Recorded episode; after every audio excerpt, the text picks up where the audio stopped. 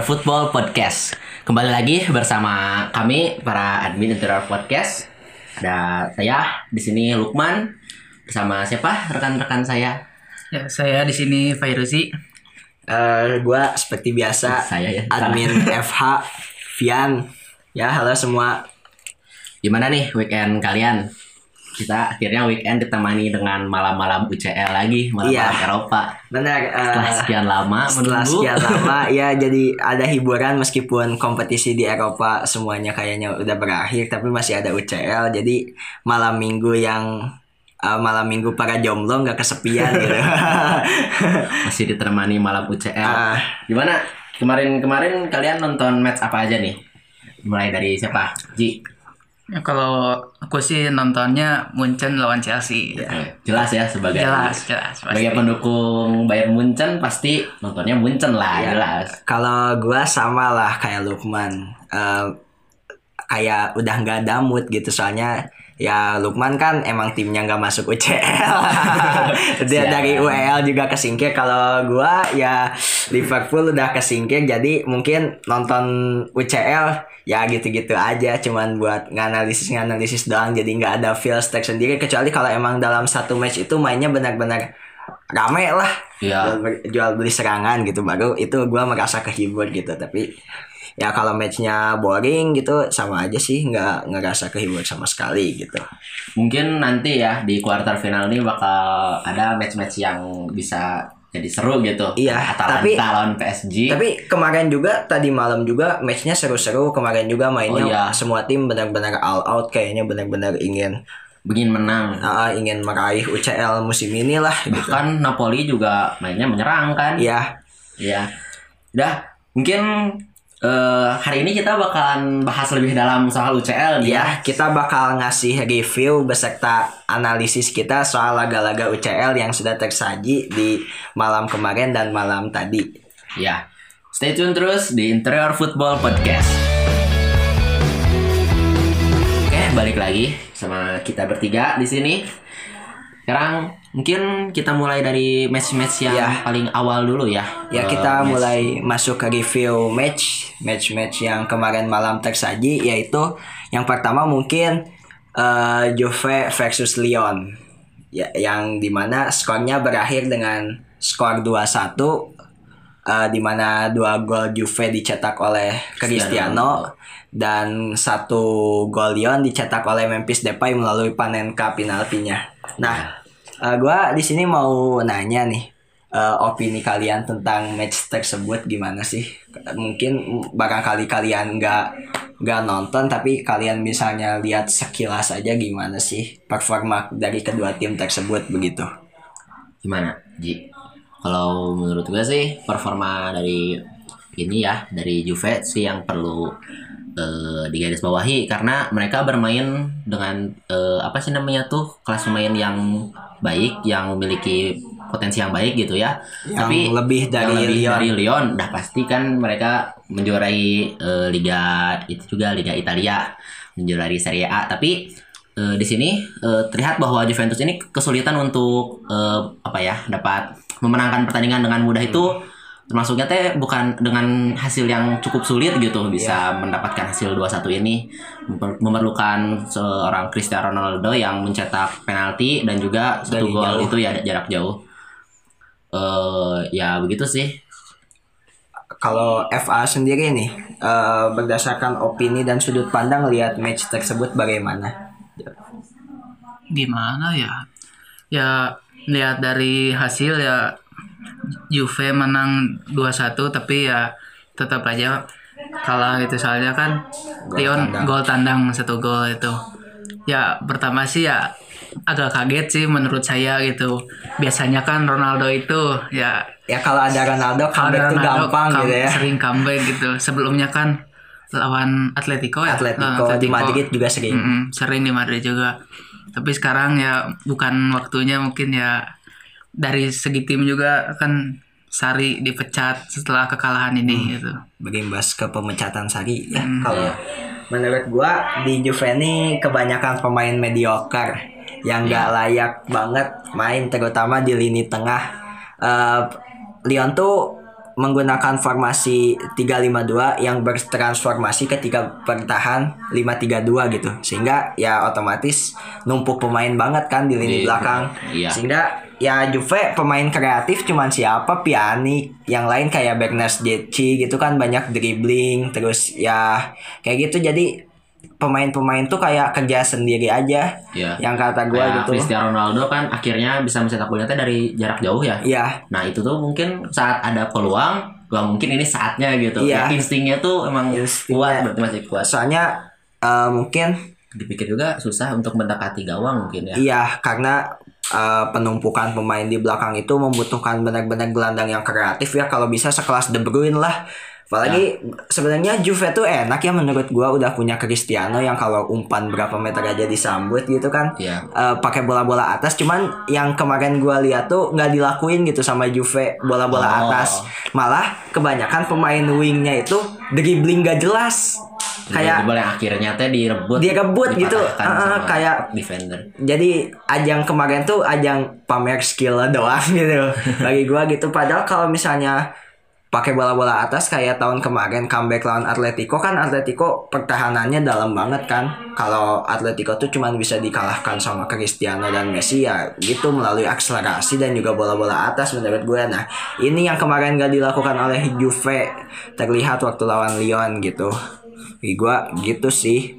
Nah kalau di match ini kalian lihat eh pemain yang on perform, yang on fire banget, yang benar-benar jadi man of the match di match ini gitu. Jelas kayaknya ya eh, si Cristiano, Cristiano Ronaldo Iya. kan dia bisa mencetak dua gol yang lumayan lah setidaknya nggak terlalu memalukan muka Juventus. Iya benar, nggak nggak terlalu memalukan sehingga hasilnya oke. Eh, mungkin bagi gue yang Perform on siapa? Perform ya Cristiano, tapi yang underperform ya siapa lagi Bernardeschi gitu. Dia Hmm. banyak banget apa ya dribbling gak jelas, buang-buang peluang gitu kan, jadi nyebelin gitu lah. Ibaratkan gitu. Se- eh, padahal Juve kalau gue lihat bisa mencetak lebih berapa banyak. gol lebih banyak, cuman gara-gara terlalu banyak dribbling lah gitu. Hmm. Oke, eh, mungkin segitu aja ya review Juve dan eh, Lyon yang berujung pada pemecatan Maurizio Sarri. Akhirnya Sari dipecat dong. Eh, ke depannya mungkin Juve harus lebih berbenah lagi membeli-beli pemain dan jangan kebanyakan beli pemain gratis lah ya. Iya itu Asli. udah jelas. Berarti kan jelas dibuang ya sama Iya. klubnya tuh ngapain di diambil gitu. Ya itu asli banyak banget pemain mediocre yang harus dibersihkan lah ibaratkan cuci Iya. gudang Juve. Oke, ke kita ke match selanjutnya yaitu mempertemukan Real Madrid versus Manchester City. Nah, Eh. dua pelatih Zidane dan Pep. Nah, menurut Sama-sama kalian botak. Iya, yang yang disorotnya kan kebanyakan orang-orang yang disorotnya Zidane sama Pep yang ngobrol 15 menit setelah match gitu kan, yang setelah pemain pada ini. Udah bubar. Ah, nah, kalau menurut kalian ya, eh, berjalannya match ini kayak gimana yang pada ujungnya akhirnya skornya 2-1 ya, Ya. yang dimenangkan oleh Manchester City. Nah, dan golnya itu dua-duanya blunder dari Varane Iya. dan si Ramos gak main.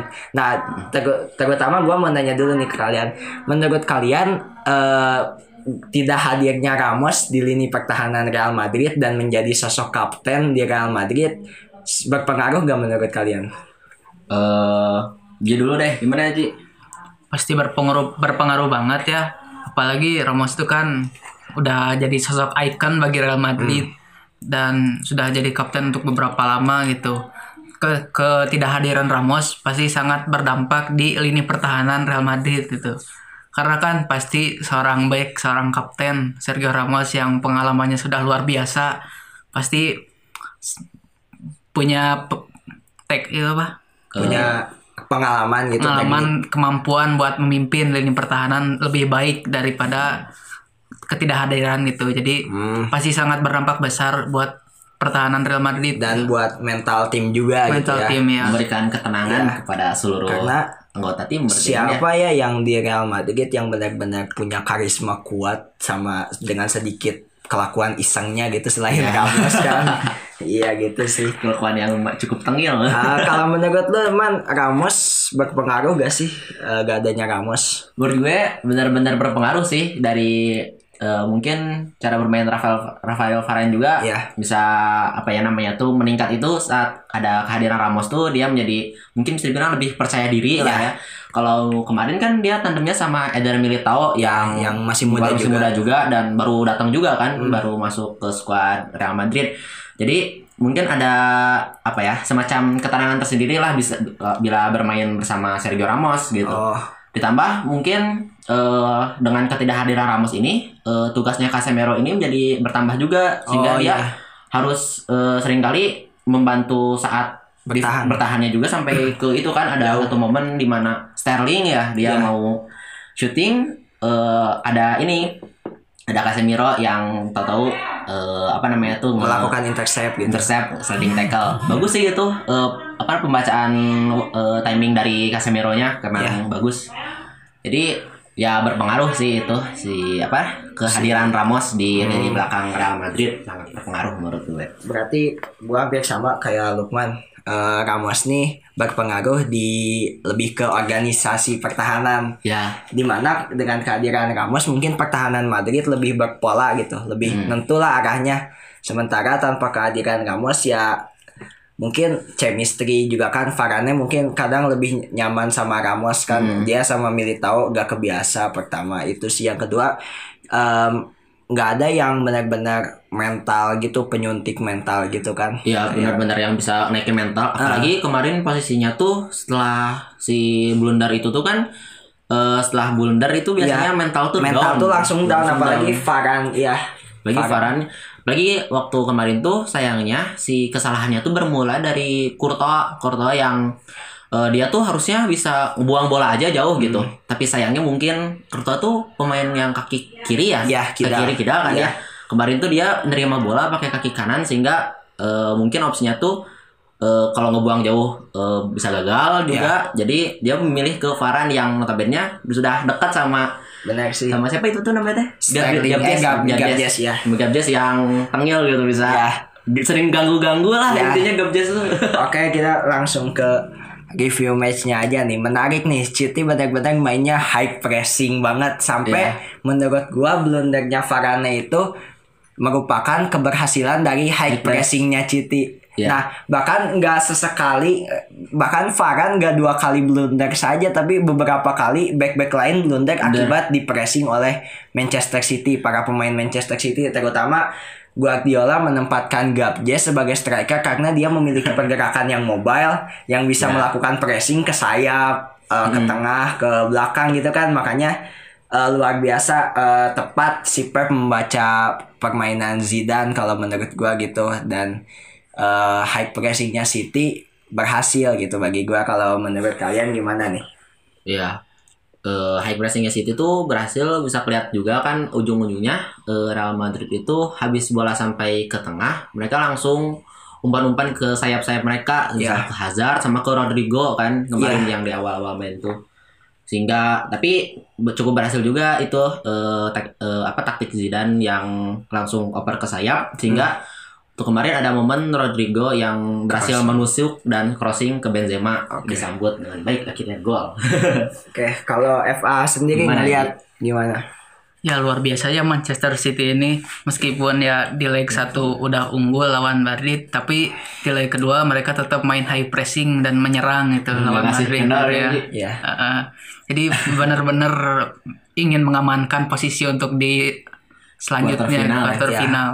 apalagi ya UCL udah menjadi kewajiban Pep di Manchester City. Iya, mungkinnya jelas. menjadi sesuatu yang pokok gitu. Dan yang gua lihat Manchester City juga pertahanannya solid juga gitu ya. Iya. Dan kalau di Madrid yang nge-carry Madrid itu benar-benar Benzema gila. Benzema di depan benar-benar gacor sih bisa nemu ruang yang sempit untuk nyuting. Asli Benzema kemarin benar-benar nge-carry Madrid. Dan menurut gua Hazard tuh ya biasa-biasa aja gitu nggak nggak nyiptain peluang yang berbahaya Hmm. gitu dan dan kenapa ya Madrid tuh eh, kayak mainnya tuh ke sayap ke crossing ke crossing kan kayak gitu jadi kebaca mungkin ya permainannya Hmm. Iya. dibanding City yang mengandalkan kolektivitas di lini tengah sementara Madrid menusuk lewat sayap gitu kan makanya si Pep mencegah bola mengalir ke sayap Hmm. nah bagi gua si Madrid ini terlalu percaya ke pemain muda yang inkonsisten gitu. Jadi bagus Ah, mungkin maksud iya. Zidane mempercayai pemain muda seperti Rodrigo, Vinicius. Hanya saja untuk laga sekelas UCL apalagi melawan pelatih secerdas Pep gitu kan butuh pemain yang benar-benar konsisten performanya bagi gua seperti itu gitu. Kalau jadi bagi gua nggak efektif gitu dan menurut gua ini unpopular opinion aja ya. Si Zidane tuh pelatih miskin taktik.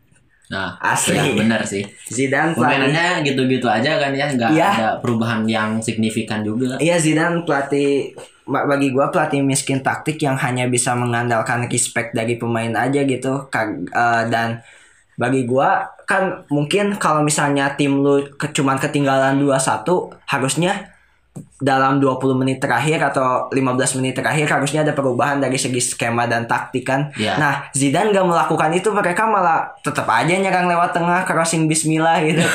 Jadi hanya jadi bagi gua si Zidane ini benar-benar pelatih yang nggak punya plan B gitu dan bagi fans Real Madrid yang misalnya bangga gara-gara Real Madrid juara La Liga mungkin bagi gua bukan pure karena Madrid mainnya bagus atau kejeniusan si Zinedine Zidane sih melainkan pesaingnya yang inkonsisten. Iya. Barca yang udah pandemi langsung ada masalah internal. Dan masalah internal itu kan umumnya lebih berbahaya dari masalah-masalah yang lain bisa ngehancurin satu tim itu secara mental. langsung gitu kan. Makanya itu kalau misalnya nggak ada break pandemi corona gue yakin sih Barca yang juara gitu. Makanya eh, gara-gara Barca inkonsisten dan Madrid musim ini bagi gue mainnya nggak bagus-bagus amat juga. Mm. Eh, mereka konsisten ya bayangin aja cuman menang 1-0 2-1 nah itu kan bagi gue Zidane tuh harus beli pemain yang benar-benar bintang. kualitas ya apalagi coba lu kalian lihat di Madrid yang regenerasi Modric sama Kroos ada gak sih belum ada ya kayaknya Iya. belum ada kayak calon-calon eh, suksesor ke depannya Ya, lagi belum ada soalnya ya. Fede Valverde itu kan pemain tipe breaker ya gak kayak Iya. Frankie De Jong gitu lebih kayak Casemiro. ya kalau Casemiro nah jadi beda tipe dibanding Kroos yang sama Modric yang benar-benar menjadi pengatur tempo dan nyawa atau roh dari permainan Real Madrid bagi gue seperti itu begitu Eh, dan bagi kalian nih dalam match ini pemain yang on perform siapa kira-kira? Eh, pemain yang on perform itu dari apa ya kira-kira ya? Mungkin Gabriel Jesus sih dia bisa ngasih satu assist dan juga beliau eh, rajin banget untuk melakukan pressing. Oh iya, rajin iya. melakukan pressing terus eh, dapat memanfaatkan peluang sekecil apa pun. Misal waktu satu chip yang ke arah Thibaut Courtois itu yang keren Iya. sih. Itu udah dari sisi wah udah di ujung Dari- banget. sempit ya Sempit kota gitu. udah sempat nutup ruangnya juga Hmm. gitu. Itu masih bisa aja. Kalau Oh, anda perform? Eh, kalau lu on- itu siapa yang lagi? On perform Iya. dalam match itu ya tetap sih ada sosok andil besar dari Kevin De Bruyne. Wah, jelas ya, Ya. Kevin De Bruyne. Kevin De Bruyne benar-benar gitu. Nah kalau FA sendiri nih pemain yang on perform sama sih yang on perform ya Kevin De Bruyne itu nah kalau Bruyne. yang underperform nih dari eh, Madrid mungkin yang soalnya pemain Madrid benar-benar underperform sih Semua.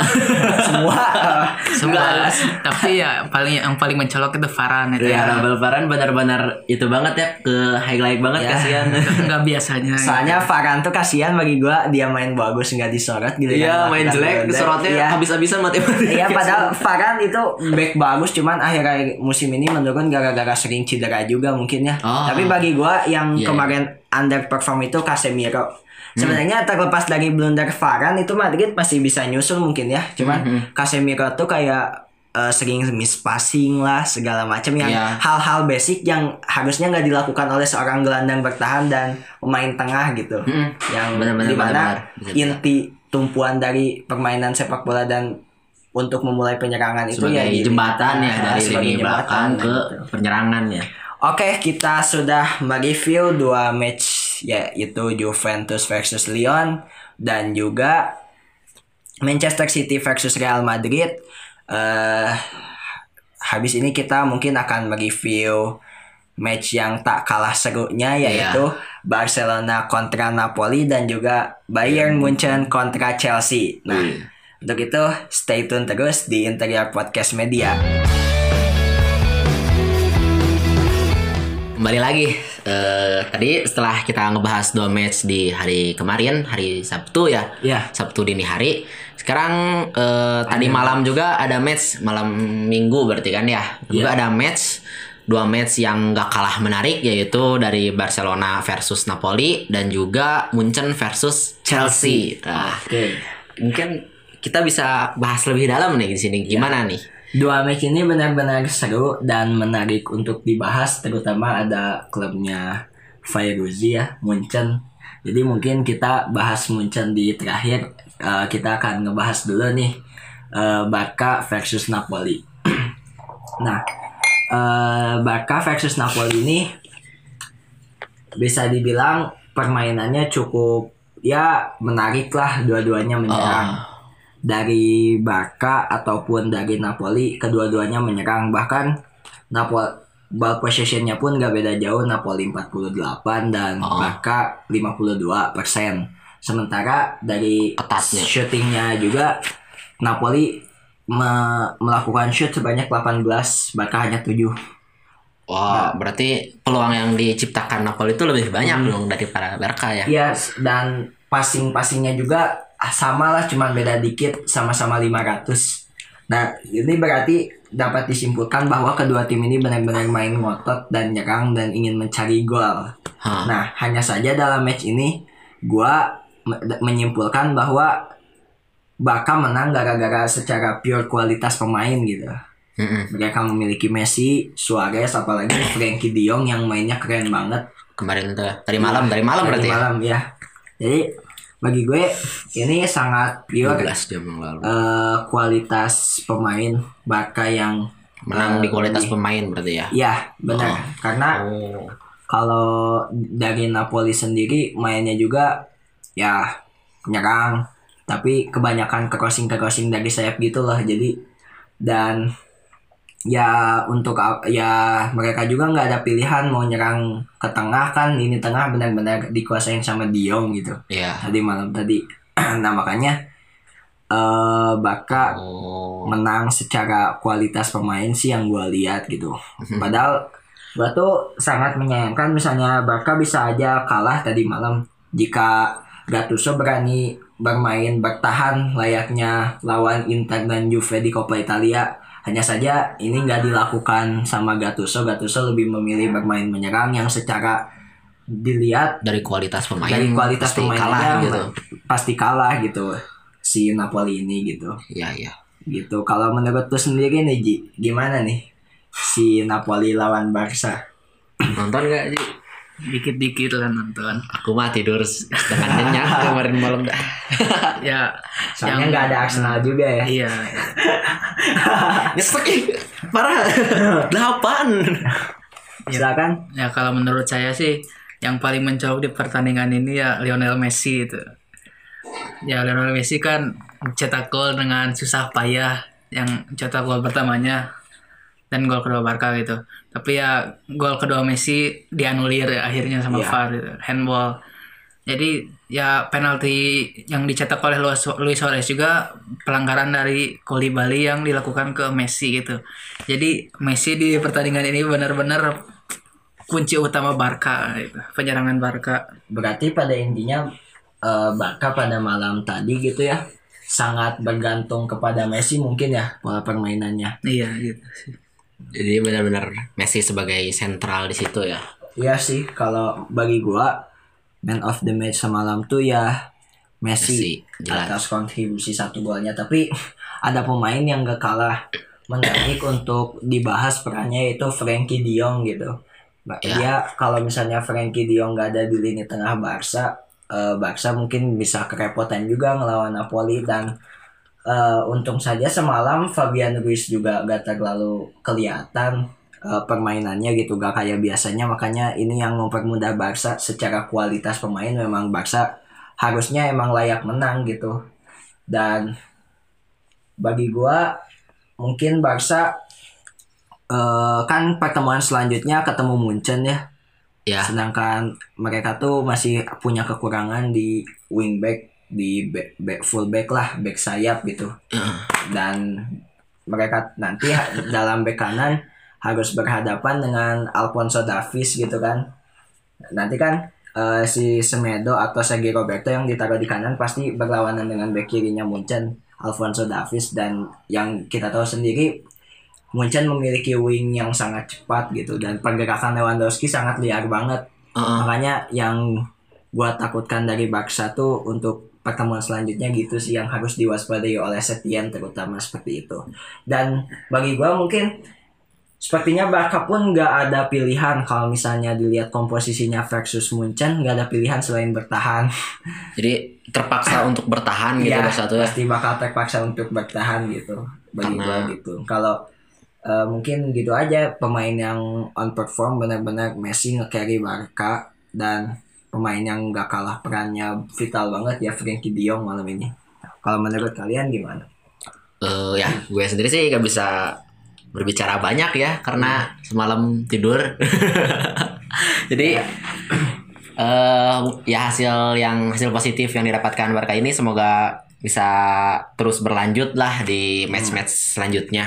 iya Atau mungkin agar bisa inilah bermain dengan terbuka pada saat melawan Munchen nanti gitu. oke yang kita harapkan Kita itu ya kedua harapkan, iya. terbuka Saling Oke. jual beli serangan.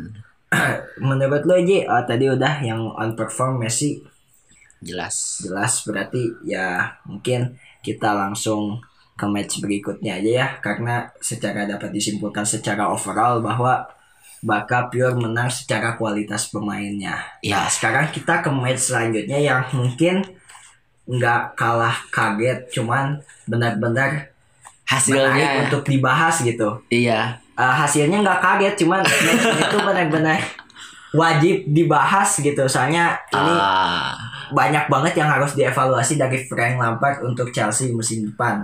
iya. Nah, eh, kita Hancur banget match, ke Munchen versus Chelsea. Nah, kita bakal mulai dari fans Munchen dulu beropini tentang match semalam Munchen lawan Chelsea gimana nih? Gimana bro, Ya, bro? Di match malam Munchen benar-benar mendominasi di pertandingan lawan Chelsea ya. Dan di menit-menit awal juga menit 9 itu Lewandowski dilanggar sama Caball- Caballero dan mencetak gol penalti. Selanjutnya juga kan di pertahanan Chelsea lengah dan mengakibatkan gol kedua dari Perisic yang hasil da- asis dari Lewandowski gitu. Jadi di babak pertama juga benar-benar Bayern itu udah menguasai itu. Udah mendominasi banget kan ya. Chelsea juga sebenarnya udah memberikan perlawanan. Hudson Odoi ngegol tapi offside dari Tammy Abraham jadi dianulir itu. Ya. Ah, sakit hati. Kasihan. Berarti Ini benar-benar kelihatan banget bahwa pertahanan Chelsea ini rapuh banget. rapuh banget gitu. Terutama sosok Azpi ini nggak main juga kan Ya. ya tadi malam ya. dan Ya cedera ya. bagi gua gini eh, Chelsea tuh benar-benar apa ya semalam tuh benar-benar secara overall kalah semuanya mau dari kualitas pemain strategi wah Iya. nggak nggak bisa mengambil alih permainan banget Chelsea malam tadi Gini terutama gini gini. Eh, apa yang lu harapkan gitu dari sebuah tim yang kalah aja sama Arsenal aja kalah gitu. Nah, Iya. waktu lawan Arsenal tuh mereka udah ada Pulisic yang ya tapi sayangnya Pulisic cedera. tadi nggak main Cedera Azpi juga ya cederanya waktu waktu match Arsenal kan. Ya. Jadi apa gitu yang bisa lu harapkan dari sebuah tim Chelsea Iya. yang lawan Arsenal aja kalah Benar. gitu. Dan kalau bisa dilihat Chelsea ini banyak pemain yang mediocre enggak cuman inkonsisten gitu. Iya. Bagi level Chelsea ya seharusnya pemain lu harus konsisten setiap saat apalagi di laga Eropa seperti ini bagi gua seperti itu. Nah, kemudian padahal yang gua lihat Munchen pun mainnya enggak se se apa ya sengotot leg pertama sih Heeh. dan tadi Lebih ngasih kan? mainnya eh, lebih crossing crossing ke sayap gitu. Dan tetap aja Lewandowski dengan pergerakan liarnya mampu menjadi pembeda di match tadi gitu. Dan udah Benar-benar. kelihatan bahwa Chelsea pada match ini nggak perlu Havertz ya. Iya. melainkan perlu sosok Skriniar, Bali gitu, Upamecano gitu bagi gua. Nggak nggak butuh yang namanya Havertz dari match ini. Kita semua udah bisa menyimpulkan. Buang uang ya.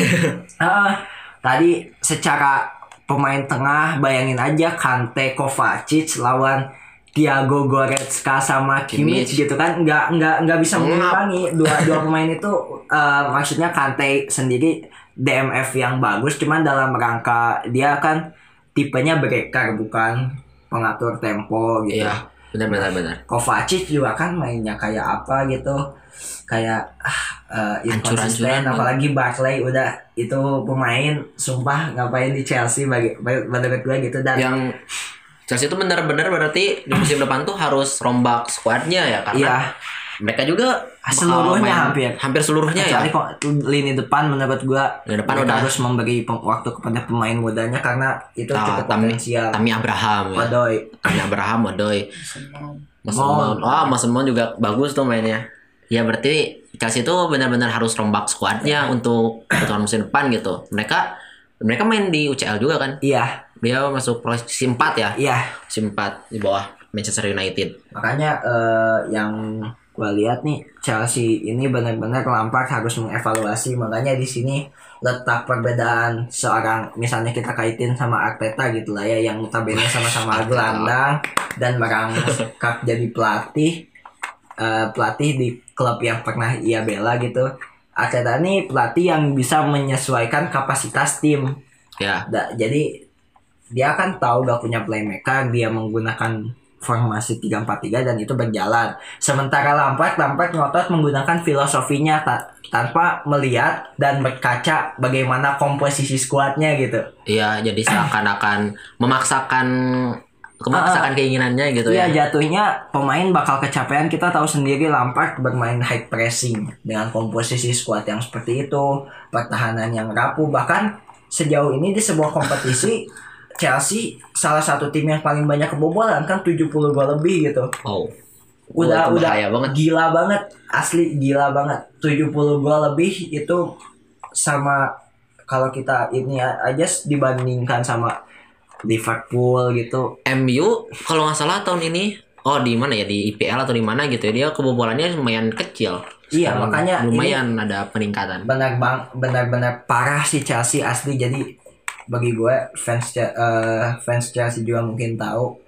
Chelsea nggak butuh seorang Havertz melainkan butuh seorang Reguilon, Bali-Bali, eh, Nathan Ake yang udah keciti gitu, Eh, terus Upamecano. Bagi gue seperti itu sih yang dibutuhkan Chelsea untuk ke depannya karena banyak banget semua bahkan hampir semua lini yang harus dirombak sama Chelsea. Dan Lampard mungkin harus benar-benar merubah konsep bermainnya gitu dan harus jor-joran di bursa transfer musim depan jangan sampai Wajib salah sih, wajib. salah me- mengeluarkan uang untuk pemain yang gak terlalu perlu menurut gua seperti itu Iya. nah kembali lagi ke match tadi nih kalau menurut kalian pemain yang benar-benar on perform eh, di match tadi siapa coba Uji uji sama Vian aja. Enggak nonton. oke kalau dari gua ya Lewandowski Jelas ya. pergerakannya liar banget terus eh, kemampuannya dalam membaca permainan dan mencari ruang benar-benar menjadi momok yang menakutkan bagi dua defender Chelsea Christensen dan Zuma itu yang apalagi yang nggak nggak nggak nggak seta sepadan lah. Misalnya seorang Lewandowski harus menghadapi dua back itu terlalu mudah bagi gue cuman dalam match ini Lewandowski benar-benar menunjukkan kelasnya sih. Kalau menurut lo nih? Ya kalau menurut saya Lewandowski memang on fire ya. Wah, 13 gol di Mantap. 7 pertandingan di UCL gitu. itu itu dia dia Apalagi ya setelah masa pandemi juga masih tetap gacor aja gitu. UEFA eh, merampok Ballon d'Or-nya. Padahal Lewandowski. Mungkin kerjanya cuma main TikTok dan segala macam tapi tetap nggak men- memadamkan eh, performa dia di lapangan gitu ya. Beda men, ini Lewandowski bukan Iya. Lingardinho. Oke lah, segitu aja mungkin ya pembahasan UCL dari kami ya. ya. Eh, mungkin akan banyak match yang kita review lagi karena UCL masih masih akan berlangsung iya, di masih akan babak berlangsung quarter karena- final, semifinal, final Ah. masih banyak. karena ya mungkin liga lain udah beres tapi jangan khawatir kita akan menghibur kalian semua mereview mereview match yang ada yang tersaji begitu. Siap. Oke, mungkin gua Vian atau admin FH undur diri. Gue Lukman. Dan ini siapa? Fairuzi. Oke, stay tune tunggu episode-episode kami selanjutnya. See you.